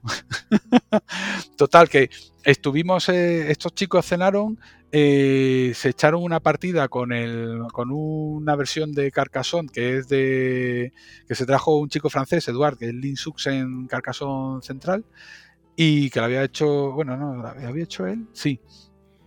Y, mm, y estábamos esperando a que apareciera Melvin, ¿vale? Porque habían quedado con él, Melvin se lleva muy bien con, con Dan porque se conocen pues de los mundiales y cosas de este estilo y hablará un montón por el tema de la BGA y de hecho hay algunas cosas que Melvin nos, comentó en, en Garrison Central de temas de fotografía y cosas de este estilo.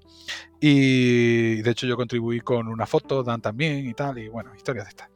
Y, y nada, que Melvin se retrasaba, se retrasaba y, el pobre Oscar que había llegado, lo único que quería darse una ducha, total, que al final, cuando llegó al restaurante Oscar, eh, pedimos, estuvimos abajo, pero ya la gente se habían ido, Willem y Dan, a ver a, Melvin a un hotel que estaba al lado, que estaba con Teus, eh, con Teus, con el chiquito de 16, 17 años. Eric Matthews, sí. Ahí está. Y total, que terminamos de cenar, se va Oscar porque estaba muerto, y entonces en eso que llegan Dani y William dijeron, ah, pues nos, eh, pues nos gustaría saludar a Melvin. Total, que volvimos al hotel que encima estaba, pues, vamos, a nada, estaba a 100 metros de donde estábamos cenando. Pero estaban por allí, yo que sé, liados y había, estaban hablando con más gente en el hall. Y no sé si es que habían quedado ahí con, con esta, con Isabela del Corso no, no sé, ya, ahí un poco locura. Eh, claro, el pobre chiquito este, el, Teus, pues no habla inglés. Entonces, pues, eh, Willem estuvo hablando un poquito con él y yo también, eh, usando nuestro portugués chapurrero. Eh, Willem, porque, aunque te lo creas o no, Willem tiene un grupo sí, sí. De, de, samba en Brighton. Lo dijo, lo dijo en su, en su entrevista. Y ahí te lo ves, ahí el otro dice, yo hablo con, con trozos de letras de canciones en portugués. y, yo pues usé el portugués churro que aprendí en Oporto hace mil años cuando estuve en un proyecto.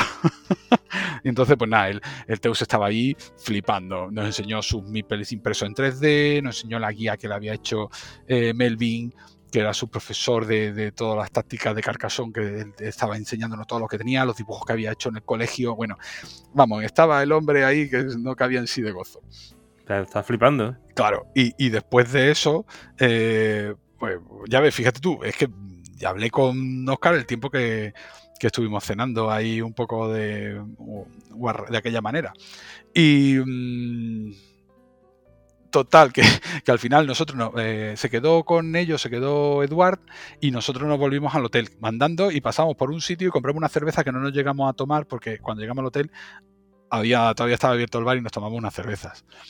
Y, mm, nada, y, fue una risa porque por las noches a la vuelta pues eh, compartíamos qué cosas habíamos comprado y tal. Entonces yo en una noche saqué todos los MIPEL que había comprado del de de Spilled Material, otro día estuvimos con los frames estos que pillamos para las, las losetas de, Ucrania, otro día estuvimos haciendo jugando a un carcasón loco que nos inventamos, que inventamos las, las reglas, porque nos regalaron los brasileños unos meeples ahí con la, con la bandera, estaba impreso en 3D y tenía, eran como la mitad de la bandera brasileña.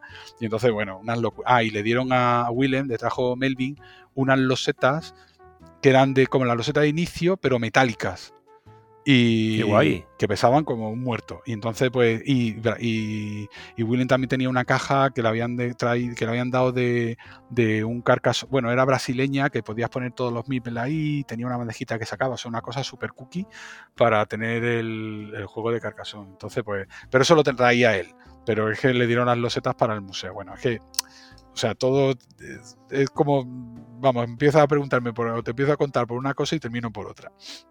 Entonces, a Oscar no lo vi hasta el domingo. Y resulta que, perdón, a Oscar, bueno, sí, lo perdón, a Oscar lo volví a ver el sábado, que hicimos cola en el en Hansing Gluck otra vez, que aquello fue la locura. Porque eh, Oscar venía, yo estaba por allí dando vueltas, quedamos en el en donde debir, eh, pero antes habíamos quedado haciendo cola, entonces yo estaba haciendo cola para comprar, para ver si los Hornets estaban ya otra vez, y nada, compré cuatro cosas, que compré la última cosa y me echaron a patadas de la cola porque ya me habían dicho que ya había hecho la cola seis veces por lo menos. Digo, si supieras tú seis y doce.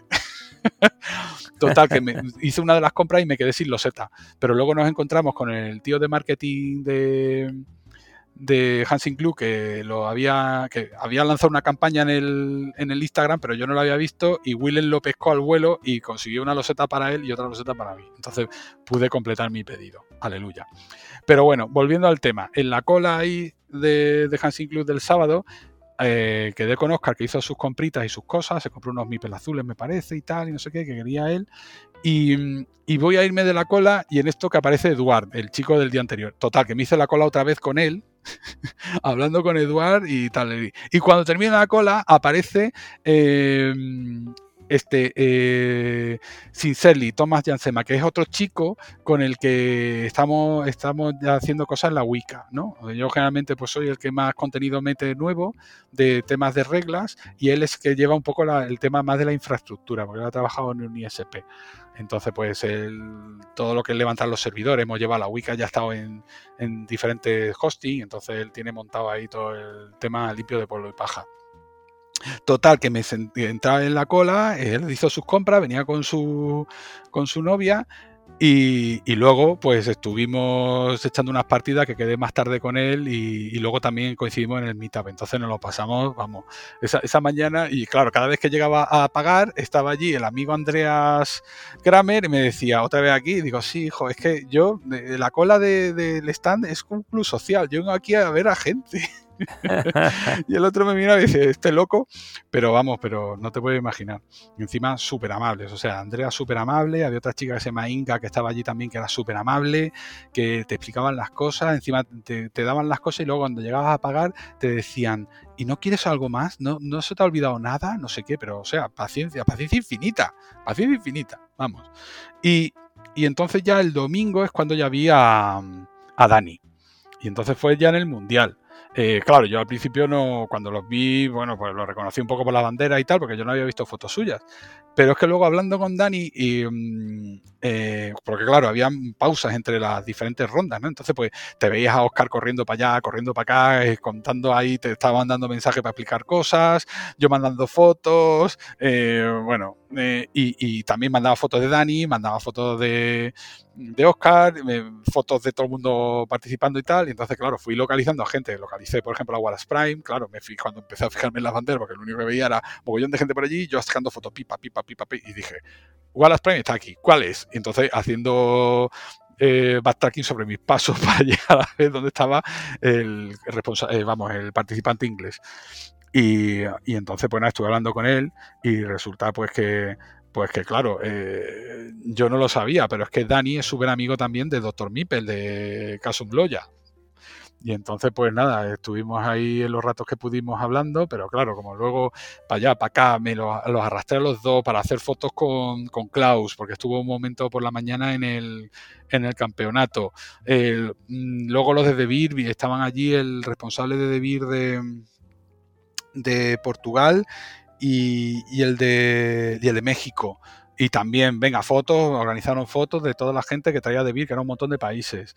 Eh, entonces, pues nada, fue un poco loco. Lo que pasa que al final no, no pude ya despedirme del todo porque me tuve que ir eh, cuando estaban ya las semifinales para irme al aeropuerto, que podría haberme ido un poco más tarde, pero como no controlaba los tiempos ni sabía si iba a haber taxi o no, pues pillé un taxi ahí al lado del, del estudio, de, perdón, del, de la feria de que había uno ahí en un callejoncillo y, ya me fui.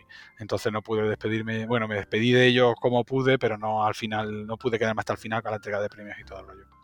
Bueno, ¿y cómo fue el mundial y los jugadores y todo esto?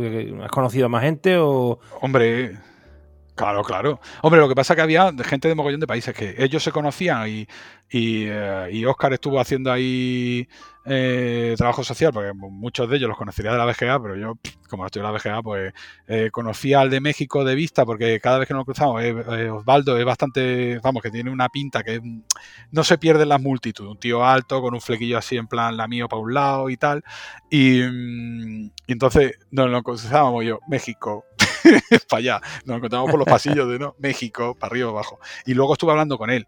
Eh, estuve hablando con él, estuve hablando con, bueno, claro, con, con Thomas Moder, que te mandé un, audio y tal. Sí, sí, gracias, gracias, porque además hiciste de reportero. Claro, yo ahí, yo sé que, vamos, luego me enteré que le habías encargado a Oscar que te hiciera reportero. Yo me, cuando estaba por allí, bueno, bueno, yo le dije, yo le dije que, me hiciera un pequeño resumen del mundial, pero ni por asomo pensaba que iba a hacer lo que hiciste tú también, que o sea que recogiste un poco eh, por el ambiente, pues lo que, lo que había, ¿no? La gente, los saludos y tal agradeció completamente, claro, evidentemente, porque al final pues todo eso salió en el podcast. Claro, y, y, Oscar también, ah, Oscar también estuvo el sábado en el Meetup, estuvo un momentillo, entonces pues estuvo grabándote audios para sí, sí. de Dan, de yo qué sé de quién más, pues había alguien de Perú por allí, pero no, eso no lo conocía, una chica. Y um, el, ellos, sobre todo, eh, yo creo que eh, Dani hizo más temas de concentración y en el hotel me parece que también estaba el argentino, que lo conocían, no sé si años pretéritos. Y entonces, pues ellos cenaron, por ejemplo, el sábado, que nosotros quedamos con el mogollón a cenar, ellos cenaron tranquilamente por, por, otro lado. Yo creo que más cerca del hotel. En el sitio este que parecía como Japón en, en mayo, ahí con las flores y con no sé qué, no sé qué tendrá que poner porque sería con los árboles, los cerezos en flor, pero bueno. La, la chica de Perú que dice se llama Namai Quinones. Pues ni idea. Yo creo que fue Alfonso que dijo, ah, sí, esta chica, no sé qué. Pero ah, ahí con el mogollón, la verdad, yo ibas de flor en flor, te ponías a hablar con la gente y no te. Y, ah, yo estuve hablando con la Porchada, con Big Boss, que es un chico alemán que también es coleccionista de Carcassonne. Y entonces, pues estuve hablando con él, con otro chico que se llama Volker. Eh, ¿Quién más? Con Osvaldo estuve hablando un rato. Eh, con Isabela, que claro que esto fue, sí, claro, que eh, estaba Melvin por allí también, Deus, o sea que fue un poco locura. Y, y el sábado, a ver, ¿fue el sábado? Sí, claro, y el sábado también vimos a la delegación japonesa que venía allí. Eh, lo que pasa que estaba el chico, el chico japonés que estaba también por allí en la entreplanta y se quedaron Teus y él echando una partida, pero yo ya me tuve que ir porque tuve que hacer uno de mis múltiples encargos. Y, mm, y nada, y ahí estuvieron matándose echando una partida en toda la cumbre, que luego al día siguiente, en el, el domingo, vimos a, a la señora del, dueño de Mobius, de la editora japonesa, con un pedazo de kimono con, de, con losetas y mipels, que las losetas eran de Carcassonne 1, que aquello era de flipar. Y me dijo, vamos, me dice, Willem se hizo foto con ella, eh, yo me hice foto con ella, em, yo supongo que más gente se haría ahí de foto, porque yo tampoco estuve todo el 100% del tiempo ahí. Las he visto, sí, sí, sí. Oye, me dejarás poner las fotos ahí en el blog, ¿no? Hombre, te las he pasado para qué. ¿Eh? ¿Para qué? ¿Para qué va a ser? ¿Para qué? ¿Eh? Entonces, pues nada, ahí, hombre, tenemos fotos, las fotos que yo hice, las que hizo Dan, las que hizo Willem, las que hizo Tom. y algunas más que veréis, porque claro, que yo una locura. Una la hice con el móvil, otras fueron directamente al, al, WhatsApp, otras fueron al, Telegram, otras fueron al Discord. Bueno, que, luego he tenido que hacer un poco de barrido y todavía no he terminado de, de organizarlas. Las tengo ahí y entonces las miro, ah, dime así, esto, ah, no sé qué, sí. Pues claro, es que... Eh, ¿por dónde empieza? Vamos, estamos hablando del mundial, pero es que nosotros estuvimos probando juegos, estuvimos jugando en el Carcasón Gigante varios días. Eh, yo estuve en Spile Material, compré lo que no está escrito, o sea, porque el primer día fui a recoger una caja que luego la saqué y le enseñé a esta gente lo que había comprado, pero es que al día siguiente fui más veces. O sea, todos los días fui a Spiel Material y compré más cosas.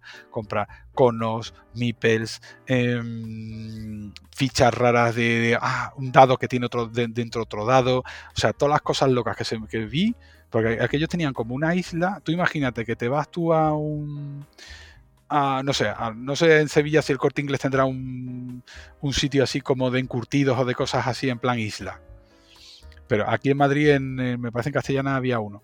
Pues no lo sé, no, no tengo ni idea si aquí hay alguna cosa de esas. Pues pero vamos, me imagino, me imagino cualquier sitio de comida a granel, pero que en lugar de ser comida son dados y fichas y peones y no sé qué. Pero sí, eran cajitas del tamaño, a lo mejor de 5 por 5 centímetros, cada caja llena con un mipel de, o con una pieza o una ficha de un color diferente. Y entonces tenía los rojos, el amarillo, el verde, el azul, el no sé qué, el turquesa, el blanco, no sé qué. Y eran de diferentes juegos. Y te podías comprar lo que quisieras. O sea, pues tres grises, un no sé qué. Y te lo compraban al peso. O sea, te lo compraban al peso. Y, entonces, pues claro, tenían la zona de Meeples, la zona de animales, la zona de edificios, la zona de transporte, o sea, de aviones, de lo que fuera, ¿sabes? Tokens em, de madera. O sea, yo compré uno de token de madera que encima decían que iban a estar a la venta a finales de octubre y cuando he ido a comprarlo en la tienda ya han volado. O sea, lo que he comprado en, en Kuntco, eh, allí, perdón, en Spile Material, en, local, es lo que he podido pillar. Y, pero para hacer locuras, ya, ya iré contando a ver qué se me va ocurriendo, porque tengo muchas ideas. tengo muchas ideas. Bueno, ¿y el Mundial cómo lo has visto, Héctor? El Mundial, la organización de Spile Centrum y todo eso. Bueno, la organización, o sea, yo digo, pero esta gente, ¿qué hacen aquí? Tanta gente, claro. Luego te enteras de que ellos tienen organizado ahí, muy alemanamente, pues tienen todos sus mm, bueno te mandé fotos de lo que pude encontrar de las cuartillas de cómo están organizados pues las rondas de los de todo lo, el suizo y luego las semifinales y no sé qué, no sé cuántos. Y entonces todo eso lo van gestionando allí en tiempo real, lo van sacando, lo van imprimiendo, lo van montando. Y entonces tenían como dos o tres personas de organización y la amiga Isabela del Corso, que no me pregunte ni cómo ni por qué, porque, porque eh, esta muchacha vive en Barcelona, es brasileña. Es, mm, me dijo que era asistente social y que se apunta a un bombardeo con las cosas de la organización del, del Mundial de Carcassonne. Sí, sí, sí, ¿Esto cómo va? Pero es que son de estas cosas que cuando tú sales de España dices que la gente vive de otras maneras. O sea, que es que... Mm, o sea, gente que vive un poco, pues, pues yo qué sé, y que son, capaces de meterse en estas ruedas que permanecen totalmente ajenas a tu vida, ¿sabes? Y, y, es súper curioso. Ya le preguntaremos, ya le preguntaremos a ella. Súper organizado, o sea, eh, las mesas, pues estaban cuatro mesas, toda la gente sentada a sus pares, todo ahí y tal. Había un chico, el finlandés me parece que era mudo, si no era sordo mudo, porque había un intérprete al lado que le hacía cosas. Uno que tenía un gorrito así como un beanie hat de estos así de color eh, morado. Yo lo que pasa sinceramente yo estaba ahí totalmente estático de ver a la gente jugando a Carcassonne y es que no me fijé en los resultados ni quién ganaba ni quién perdía. O sea, yo lo único que estaba allí haciendo fotos para poder enviártelas y tenerlas ahí y es que me daba igual quién ganase o quién perdiese. Yo ya nada más la experiencia era como mm, estaba totalmente transportado. Cuando vi al Klaus, yo me volví loco bueno, loco, a ver, este, estaba allí, el hombre súper amable, súper humilde, nada de esto de perdona, bésame el anillo, nada, el hombre, oye, ¿me puedes eh, filmar las losetas estas que hemos hecho aquí de, del, de Carcasones? Oh, sí, por supuesto, no sé qué, no sé cuánto, muchas gracias, no, gracias a vosotros que, que habéis hecho verdad mi sueño, cualquier cosa así te decían. Entonces, pero este hombre si este hombre es una estrella aquí de un rockstar y el tío aquí, no, perdona que me voy, que tengo una reunión ahora, ¿sabes? Y es como, ostras, el hombre este en domingo ha venido aquí a, comerse todas las reuniones del mundo. Sí, sí, sí, el tipo lo dice, bueno, bueno, en la entrevista de Carcassonne, en Carcassonne lo comentan, eh, lo comentan los bueno los, ponentes, ¿no? Los invitados a, la entrevista, que el tipo pues parece muy, amable, muy, muy resuelto. Y el tío es feliz. Eh, ¿Sabes? El hombre estudió teología y música, yo creo, da clases de piano. Eh, él se fue ahí a, la zona de Carcassonne a, hacerse una investigación para una novela que quería escribir y de pronto se le ocurre esto.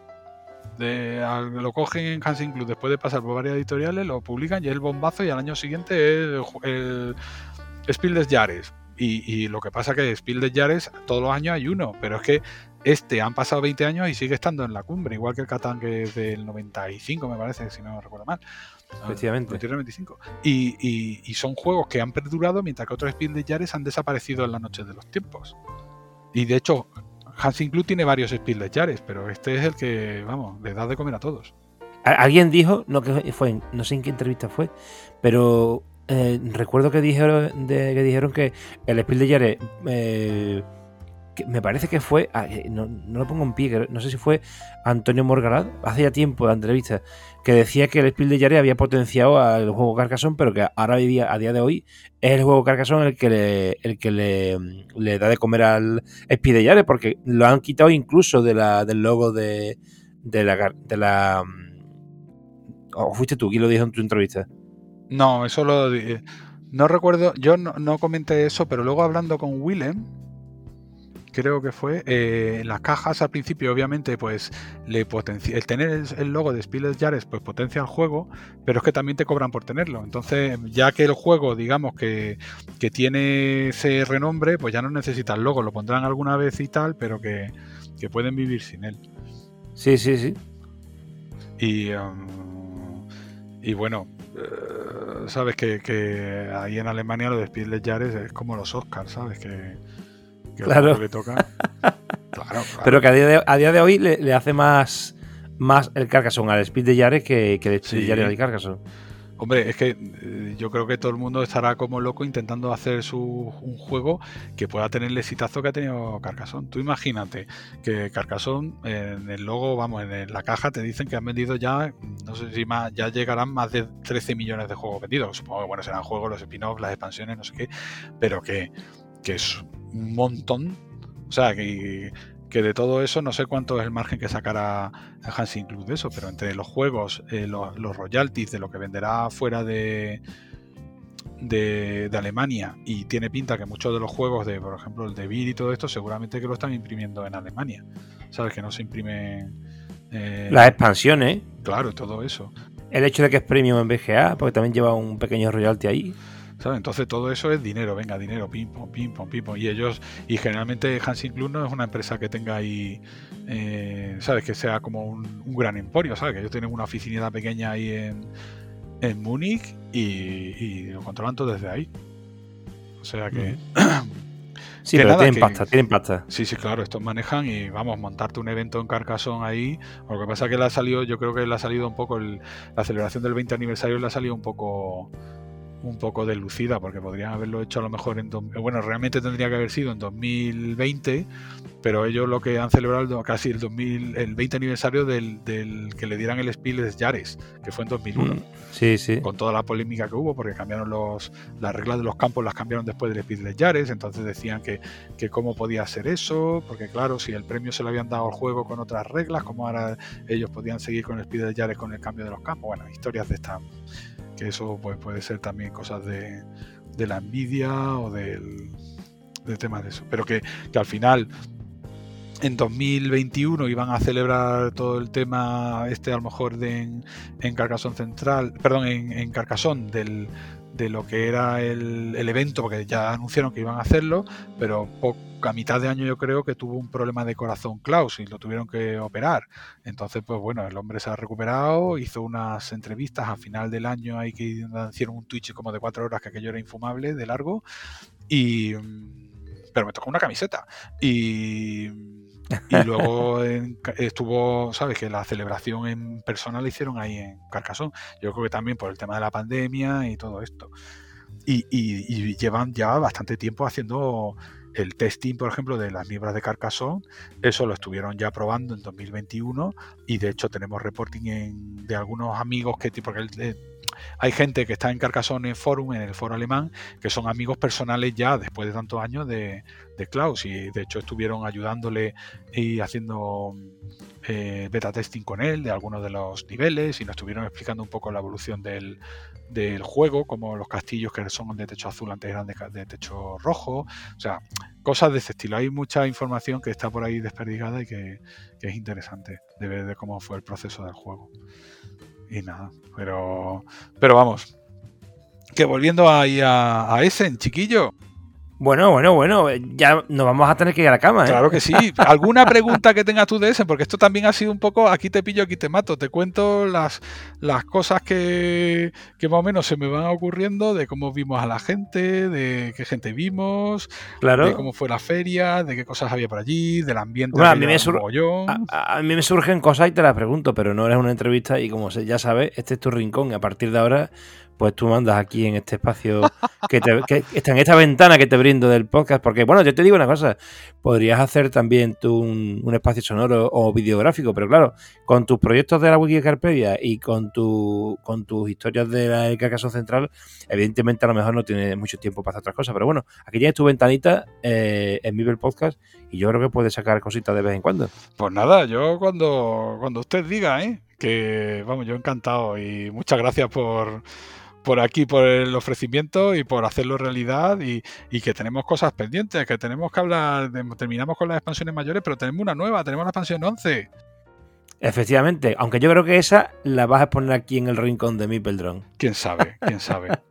Hombre, lo que pasa es que esa expansión mayor, esa te lo cuentas en cinco minutos. Pero bueno, ahí veremos a ver cómo lo integramos ahí. vale, vale. Pues nada, eh, tú, tú, lo despides porque es tu, es tu rincón. Pues nada, pues eh, queridos oyentes, nos despedimos en, esta noche fría y lluviosa, no sé ahí en Sevilla cómo será la cosa, pero nada, bienvenidos al rincón de Mipeldron dentro de Mipel Podcast para aquellos momentos de delirio en los cuales tengan ganas de escuchar cualquier cosa que pueda salir de estos locos labios. bueno, gracias, Héctor. Nada, buenas noches, Joaquín. Muchas gracias. Un saludo a todos. Adiós.